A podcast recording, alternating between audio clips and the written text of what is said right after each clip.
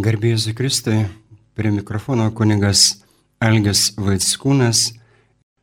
Minimi broliai sesės, labai nejauku yra kalbėti apie tokį didelį slėpinį, kurio gelmė yra begalinė, nes kadangi tai yra pats viešpats, minimieji, kas gali mums paruošti mūsų širdis, tai tikriausiai Dievo motina labiausiai turime pranašą, tai Jonas Krikštytojas, galingas pranašas, kuris skelbia, štai Dievo vienėlis, kuris naikina pasaulio nuodėmes. Iš ties, mylimieji, tas e, slėpinys, mes prašykime šventusius dvasius, kad padėtų kažkaip tai paliesti tą gelmę. Popiežius Leonas XIII yra gražiai pasakęs, kad Euharistijoje tęsiasi Kristaus įsikūnymas. Ir popiežius palaimintasis Paulius VI savo enciklikoje Mysterium Fidei rašo apie septynius būdus, kuriais pats viešpats Jėzus Kristus pasilieka savo bažnyčioje su mumis. Ir jis ten išvardė tuos būdus, kuriuos mes žinome, kur du ar trys susirenka vardan manęs, Dievo žodėje, per meilę artimui, per sakramentus, per kunigus, per bažnyčios magisteriumą. Ir pats nuostabiausias iškeliausias būdas - tai Jėzus pasirikimas švenčiausiame sakramente Euharistijoje. Vatikano antrojo susirinkimo konstitucija Sacrosantum Concilium kalba, kad Euharistija yra bažnyčios gyvenimo šaltinis ir viršūnė ir kiekvieno krikščionio. Iš ties, mylimieji, tai pats viešpats, jo begalinė meilė, jo artumas, pasilikimas su mumis ir po mišių šventimo, pasilikimas iš begalinės meilės, iš to troškimo būti su mumis, nes jis tam ir paliko tėvo sostą, tėvo siūstas, kad galėtų pasistatyti palapinę su mumis. Žodis tapo kūnu, sako prologas Švento Jono Evangelijos ir gyveno tarp mūsų, reiškia pasistatė palapinę. Iš ties, mylimieji, ir kiekvienas tabernakulis, dar daugiau, kiekviena ostija konsekruota, tai yra pats gyvasis prisikėlęs mūsų viešpats kūniniu pavydalu. Iš tiesų, kūninė jo prezencija, tai mes galėtume čia pasigilinti, ką reiškia tas kūninis Jėzus buvimas, Jonas penktame skyriuje savo laiško, jisai sako, kiekviena dvasia, kuri išpažįsta Jėzų Kristų kūnę atėjusi, yra iš Dievo. Kiekviena dvasia, kuri Jėzus neišpažįsta, nėra iš Dievo. Galėtume gilintis, iš tiesų Jėzus Euharistijoje yra su garbingu, šlovingu, pasikėlusių kūnų. Ir tai yra nuostabi malonė, dovana, tikriausiai tas slėpinys toks didelis ir reikalauja didelio tikėjimo, reikalauja iš tiesų begalinio jautrumo. Ir mes švesdami Euharistiją, kai Jėzus yra ant altoriaus, po duonos ir vyno pavydalais, tikėjimo slėpinys ir mes tai išpažįstame. Iš tiesų, Euharistija didžiausia teikia garbę ir šlovę pirmiausia tėvui. Toks yra Jėzus įsikūnymo tikslas. Tai kaip šventasis Emaras, Euharistijos apaštalas, jis apie tai gražiai sako tris dalykus, kodėl jūs atėjo žemė, aišku, jis atėjo pirmiausia mus atpirkti, išganyti, gražinti tai, ką mes buvom praradę per Adomą ir Jėvą, tą vienybę su Dievu. Ir aišku, jo pasilikimas yra dėl pirmiausia tėvo šlovės, pirmas dalykas - tėvo šlovė, antras - bažnyčios poreikis ir mūsų širdžių poreikis, trečias dalykas.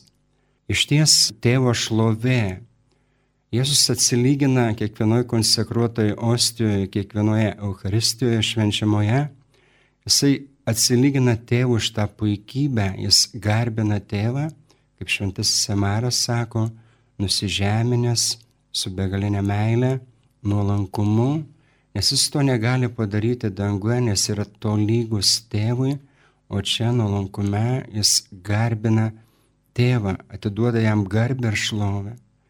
Ir mes taip pat galim vienytis su Kristumi. Malda Euharistijoje tai nėra privati malda, jeigu mes adoruojam ir vieni prie švenčiausių sakramento, tai yra bažnyčios malda, bažnyčios garbinimas, bažnyčios adoracija. Ta žodį tikriausiai reikėtų pastudijuoti, pasigilinti ką reiškia adoracija, yra graikiškas žodis proskinėsis, popiežius emeritas Benediktas XVI Kielne jaunimui aiškino prieš adoraciją. Proskinėsis tai reiškia nusilenkimas, pripažinimas Dievo kaip viršesnio už viską, nusilenkimas garbinimui, bet adoracija tai tas žodis tai reiškia iš širdies į širdį, bučinys iš lūpų į lūpas. Tai intimumas, tai popiežius Benediktas XVI, jis sako, tai šita yra, kadangi Dievas yra meilė, tai per adoraciją mes einam į meilės vienybę su pačiu viešpačiu, įtampame tuo, ką adoruojame, ką garbiname, su kuo vienėmės.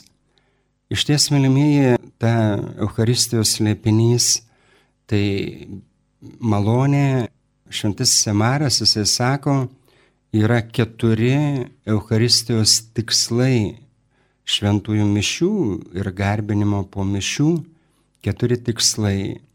Taigi tie keturi tikslai, aukos tikslai, jie nuostabus ir išreiškia tiek mišių aukos tikslus, aukos ir adoracijos.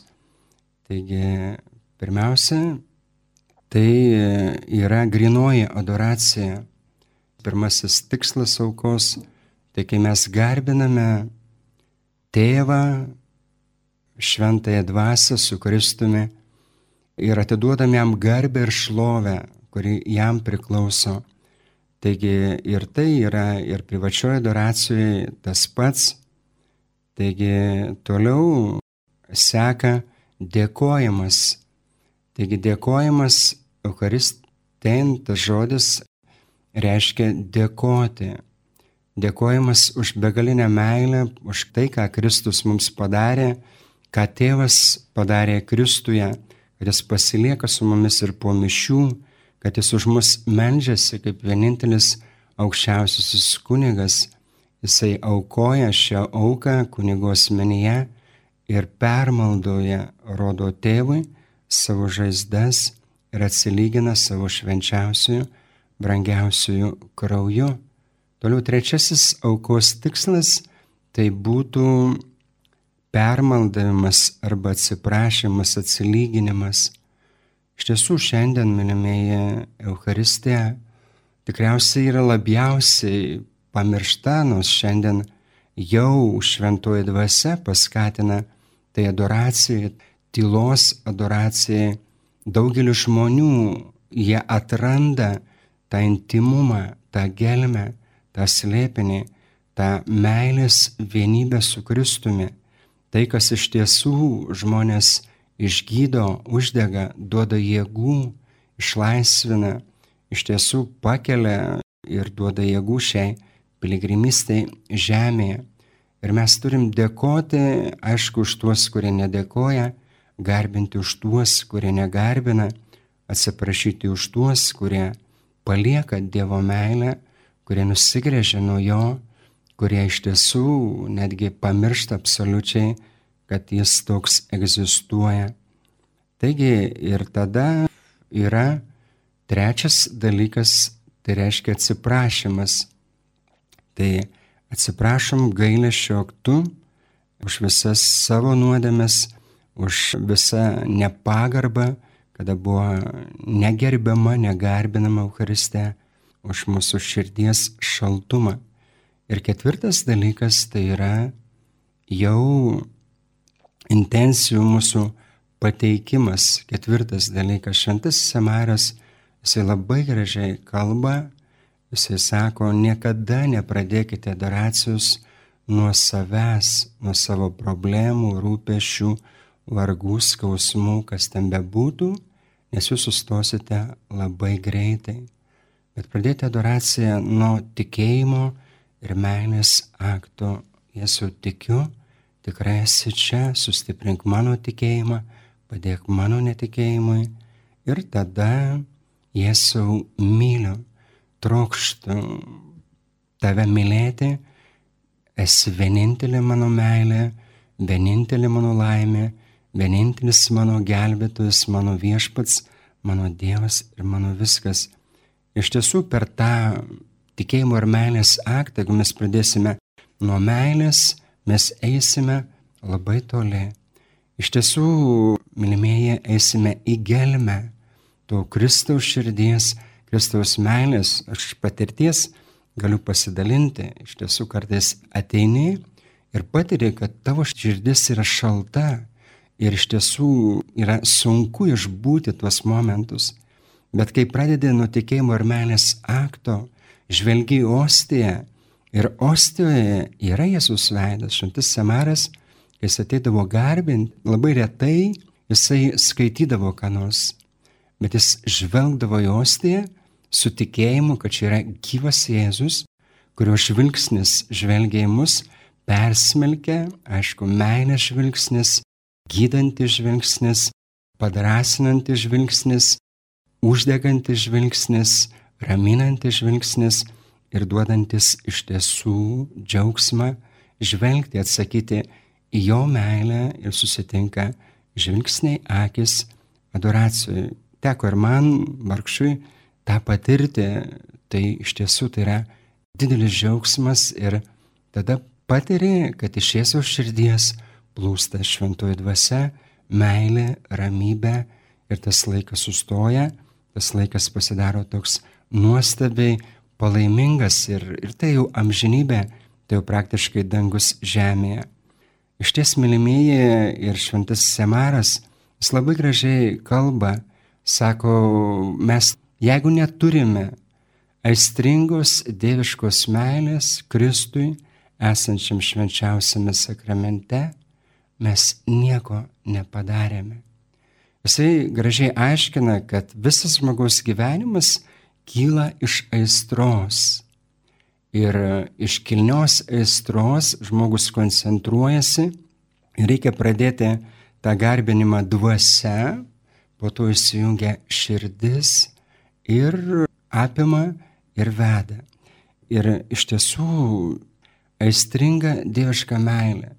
Mes žinome, kad Jėzus atėjo įsikūnymo tikslas, tai ir buvo iš aistringos dieviškos meilės, jis paliko tėvo sostą jis tapo vargšu, jis gimė Betlėjaus tvartelėje, jis neturėjo namų, jis buvo vargšas, atmestas ir iš karto tapo prieštaravimo ženklų, bet kas nuostabu, vargšai jį su meile priemė, atpažino jame tikrai Dievo siūstą Mesiją ir Dievo sūnų. Minimieji, tik garbindami mes galim suprasti, kokia malonė yra Euharistija.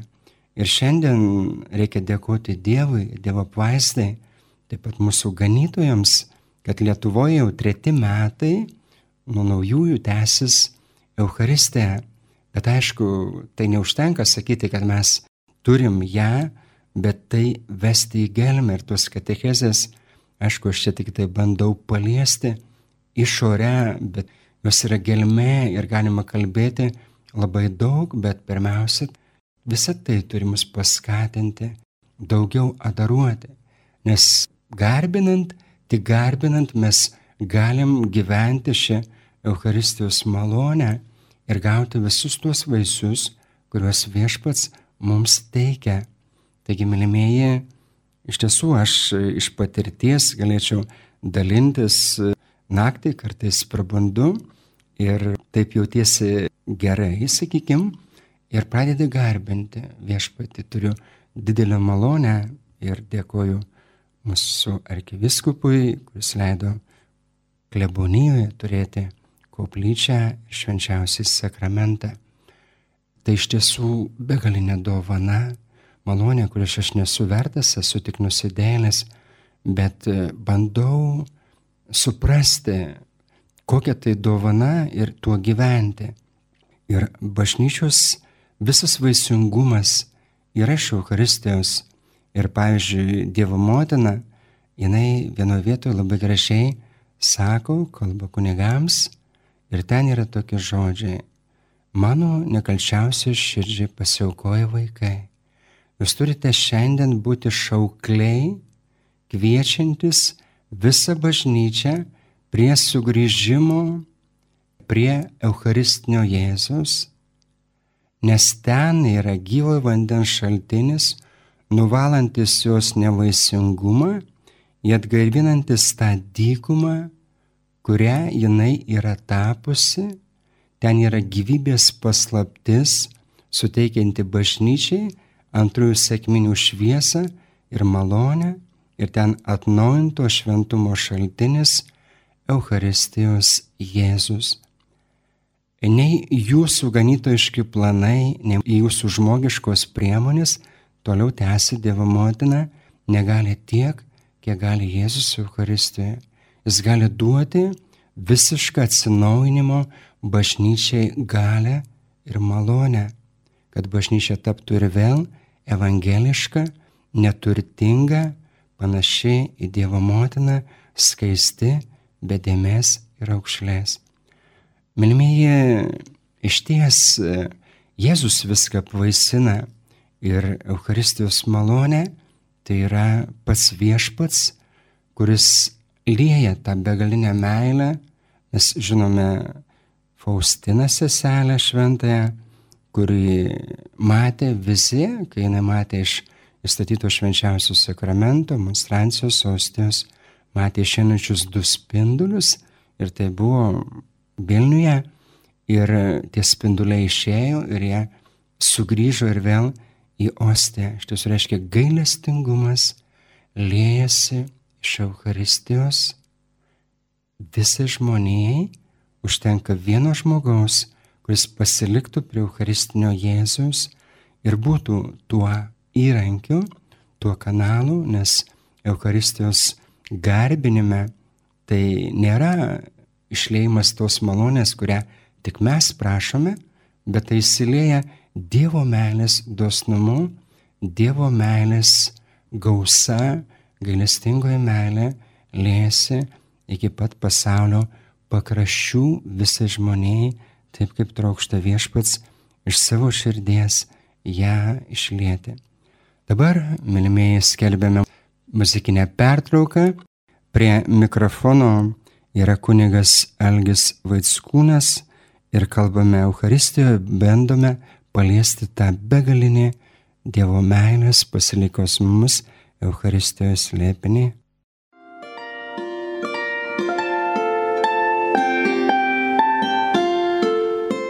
Girdite Marijos radiją.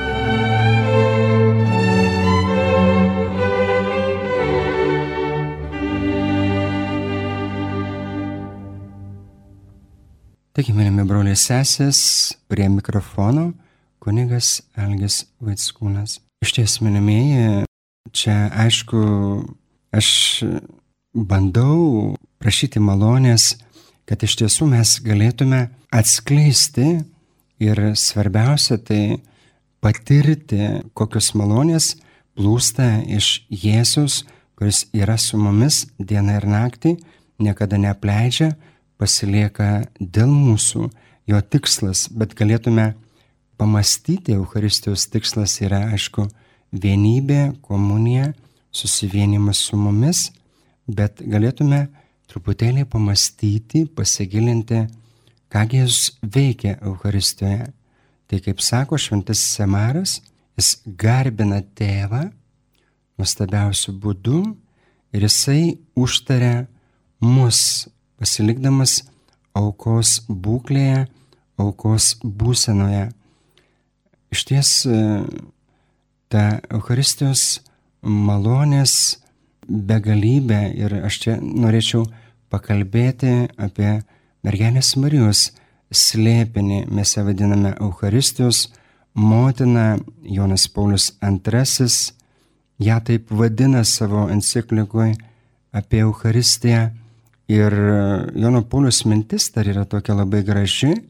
Jis sako, Eucharistija yra savotiškas polius, traukiantis vis daugiau sielų, kurios kupinos meilės jam, Jėzui, geba ten ilgai pasilikti, kad išgirstų jo balsą ir tarsi pajaustų jo širdies plakimą. Šties, mylimieji, Jėzus širdis ten yra Mes turime nuostabę šventąją Mariją Margaritą Alako, kuri 27 gruodžio. Dabar gal jūs suklysti dėl metų, bet e, jinai matė Jėzus viziją ir Jėzus širdį ir Jėzus jai guodėsi arba skundėsi, kad štai ši širdis, kuri pamilo žmonės begalinę meilę, dega meilę, negaliu sulaikyti ir gauna už tai, už tą begalinę meilę, nedėkingumą, įžeidimus, panieką, atmetimą, abuojumą, užmiršimą. Iš tiesų, todėl mes turėtume labai prašyti malonės, nes Marija Margarita Lakokės prašė, bent tu priimk tą begalinę mano meilę, pasilik su mumis ir Jėzus įrodė penkias savo žaizdas kurios spinduliavo kaip saulė ir jinai suklupusi prie kojų įgarbino ir buvo perimta jų širdis, jinai gavo tą malonę, kurio širdis užsidegė, užsilepsnojo tą begalinę dievišką meilę. Iš tiesų, Euharistijos tas malonės slėpinys mums gali geriausiai padėti jo gyventi, tai Dievo motina, kuri pirmoji mes ją vadiname gyvasis tabernakulis, gyvoji monstrancija, na, atsakysiu taip Dievo planams, Dievo valiai, Dievo meiliai, besąlygiškai, jinai skubėjo pas Elzbietą su ta žinia ir nešė tą džiaugsmo žinę, kad Dievas pagaliau atėjo ir įsikūnijo, atėjo dėl mūsų, atėjo mūsų gelbėti. Šventas Samaras labai gražiai jisai kalba, kad e, kodėl pirmųjų amžių bažnyčia, pirmosios bendruomenės buvo tokios vaisingos, nes jų buvo tikrai labai nedaug, kad Marija nuolat pasiliko prie Eucharistinio Jėzaus kojų, aukodamas savo maldą už bažnyčios apaštalavimą, vaisingumą ir sėkmę. Iš ties, mylimieji, reikalinga galinga malda ir Euharistijos malonė. Tai yra pirmiausia ta malda viešpatės Jėzus tėvai.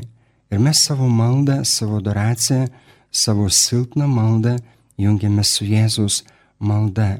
Tai iš tiesų išsilieja begalinėmis malonėmis. Ir šventojo Maro yra tokios gražios mintis. Jis sako, visuomenė klesti tiek, kiek jinai garbina švenčiausiai sakramentą, tiek visuomenė atgimsta. yra Dievo tarnaitė Vanda Malčevska gyvenusi Lenkijoje ir jinai mirusi 1868 metais. Per Dievo kūno iškilmės šventę jinai turėjo viziją ir ten Jėzus pasirodęs jai sakė, kai jinai garbino švenčiausią sakramentą, mano dukra skelb visiems visur ir visada, kad mūsų tėvinės suklestėjimas, gerbuvis, nepriklausomybė, sužydėjimas priklauso nuo kiekvieno žmogaus susivienimo eucharistiniu gyvenimu su manimi. Todėl šią dieną praleisk prie mano kojų. Tai yra patvirtinta vietinio viskupo, tas jos vizijos, jos šventas gyvenimas ir yra tai išleista knygutomis keliomis Lenkijoje. Iš tiesų pasilikti prie viešpaties kojų. Tai yra be galo sunku mums žmonėms, nes e, mes dažnai mes bėgame, mus apima aktyvizmas, mes nesugebame sustoti, nes iš tiesų ta malonė iš tiesų reikalauja didelio apsisprendimo, pastangų, palikti visą tai, tuos rūpeščius ir pasilikti su viešpačiu dėl jo paties. Mylimieji, mes iš tiesų tik tai pasilikę, mes tada atrandame, kiek daug viešpats duoda, bet iš tiesų yra toks gražus pavyzdys, pavyzdžiui, jeigu žiūrint į vaisingumą, atrodytų, kai mes adoruojam švenčiausią sakramentą, niekas nevyksta. Jėzus neišgelbėjo pasaulio skeldamas Evangeliją, darydamas stebuklus, gydydamas ligonius, prikeldamas mirusius. Jis išgelbėjo pasaulį, kabodamas ant kryžiaus, kai šaukė tėvui ir tėvas tylėjo. Tai iš tiesų ir Euharistija mums priartina Kristaus kančią. Euharistijoje garbindami mes esame kaip Marija, kaip Jonas, Magdalietė, tik keletą žmonių po kryžiumi. Ir iš tiesų ir tada viskas vyksta. Yra labai gražus pavyzdys Šarlio de Foucault. Jisai į savo gyvenimo pabaigą Saharos dykumoje, kai jis buvo atsiskyrėliu, palapinėje, jisai mesdavosi net po 18 valandų į parą. Jisai prašydavo viešpatie apšviesk, atversk, patrauk, laimink tuos, kurie tavęs nepažįsta. Jis sako, jeigu mano malda nėra vaisinga, tai žinau, kad viešpaties prezencija, jo buvimas yra vaisingas, jis lieja šviesą, lieja meilę, lieja šventąją dvasę. Iš tiesų jisai prašė, kad atsirastų bendruomenė. Ir mes žinome, kad jis gyvendamas jis to nesulaukė. Atvažiuodavo Kartais vienas kitas vyras, bet pažiūrėdavo į tas sąlygas ir grįždavo atgal, turėdavo įsiųsti atgal, nes tos sąlygos buvo be galo sunkios. Jis per savo gyvenimą gal atvertė keletą žmonių, keletą pakrikštijo ir buvo nužudytas, nušautas. Bet po jo gyvenimo, po jo mirties atsirado 450 bendruomenių šeimų, kurios norėjo gyventi pagal jo gyvenimą Nazareto šeimos gyvenimą. Jis prašė vienos bendruomenės, po jo mirties atsirado 450 bendruomenių, Dievas tiek norėjo. Esu mylimieji ir mes taip pat, nes Euharistija yra išbandymas, nes mes praktiškai nieko nematome. Vienas klebonas manęs taip klausė, sako, o žiūrėk, tu sako, garbini švenčiausią sakramentą, o kas vyksta tavo parapijoje? Ar kas nors keičiasi? Aš tik tiek jam tesakiau, aš pasitikiu Euharistiją, aš tikiu Jėzus prezenciją ir jo vaisingumu. Nes iš tiesų vaisingumas yra, bet jis yra žmogiškai nuo mūsų akių paslėptas.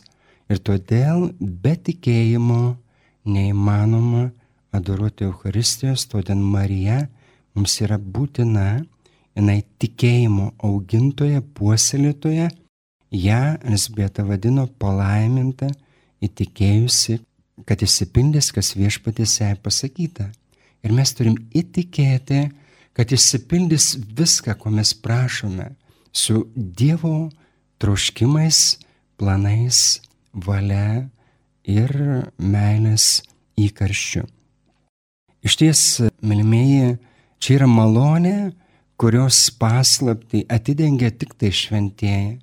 Buvo daug nuostabių šventųjų, kurie iš tiesų buvo Euharistijos apaštalai patraukti iš mūsų lietuvių. Mes galime paminėti Mykolą Gedraitį, palaimintai, kuris ant kelių mirė garbindamas švenčiausiai sakramentą.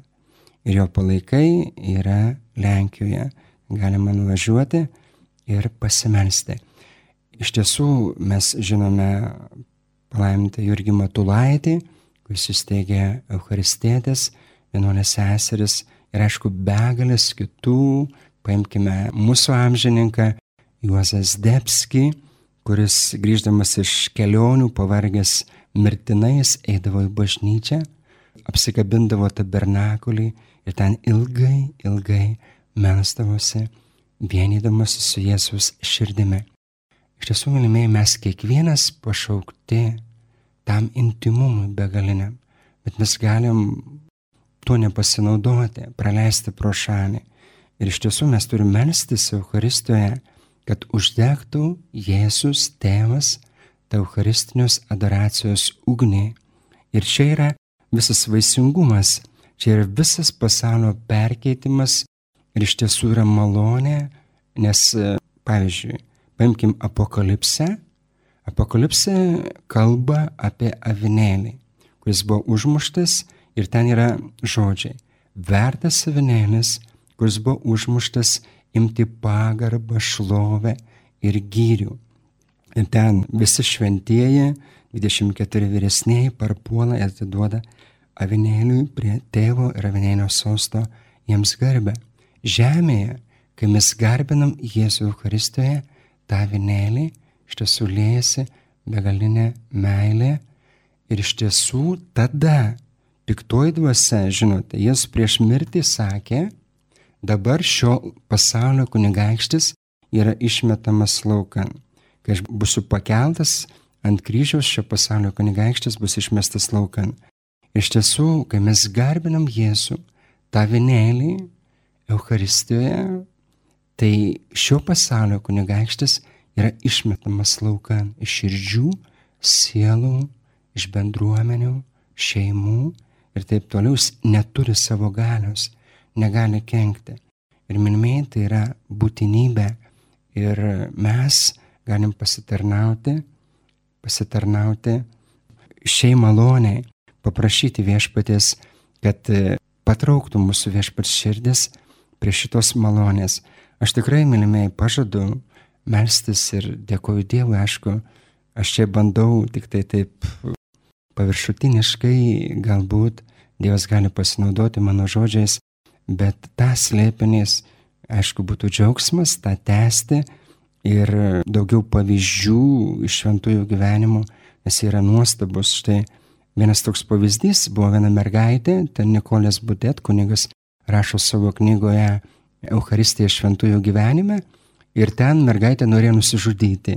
Ir vieną kartą jos neranda niekas, visi bėgioja ir paskui rado ją po kelių dienų adoracijos koplyčioje. Ir jinai ten viską išverkė. Visa, kas buvo ant jo širdies, išverkė, jinai sako, aš radau tą, kuris mane supranta, kuris mane neteisė, nieko iš manęs nereikalauja, nes ją buvo pasinaudota, tikriausiai prievartauta ir taip toliau. Ir jinai ten atrado ir vėl tą išgydymą, išlaisvinimą, tą Jėzus meilę konkrečiai jai ir asmeniškai, bet tokioj sunkioj būklei. Ir aš manau, šiandien yra labai daug žmonių, bet mūsų pareiga būtų ar ne patiems atnešti tuos žmonės, kurie nutolę. Prie mikrofono buvo kunigas Algis Vaitskūnas, girdėjote, bandėme paliesti tą didelį slėpinį apie Euharistijos adoracijos slėpinį. Ačiū Jums.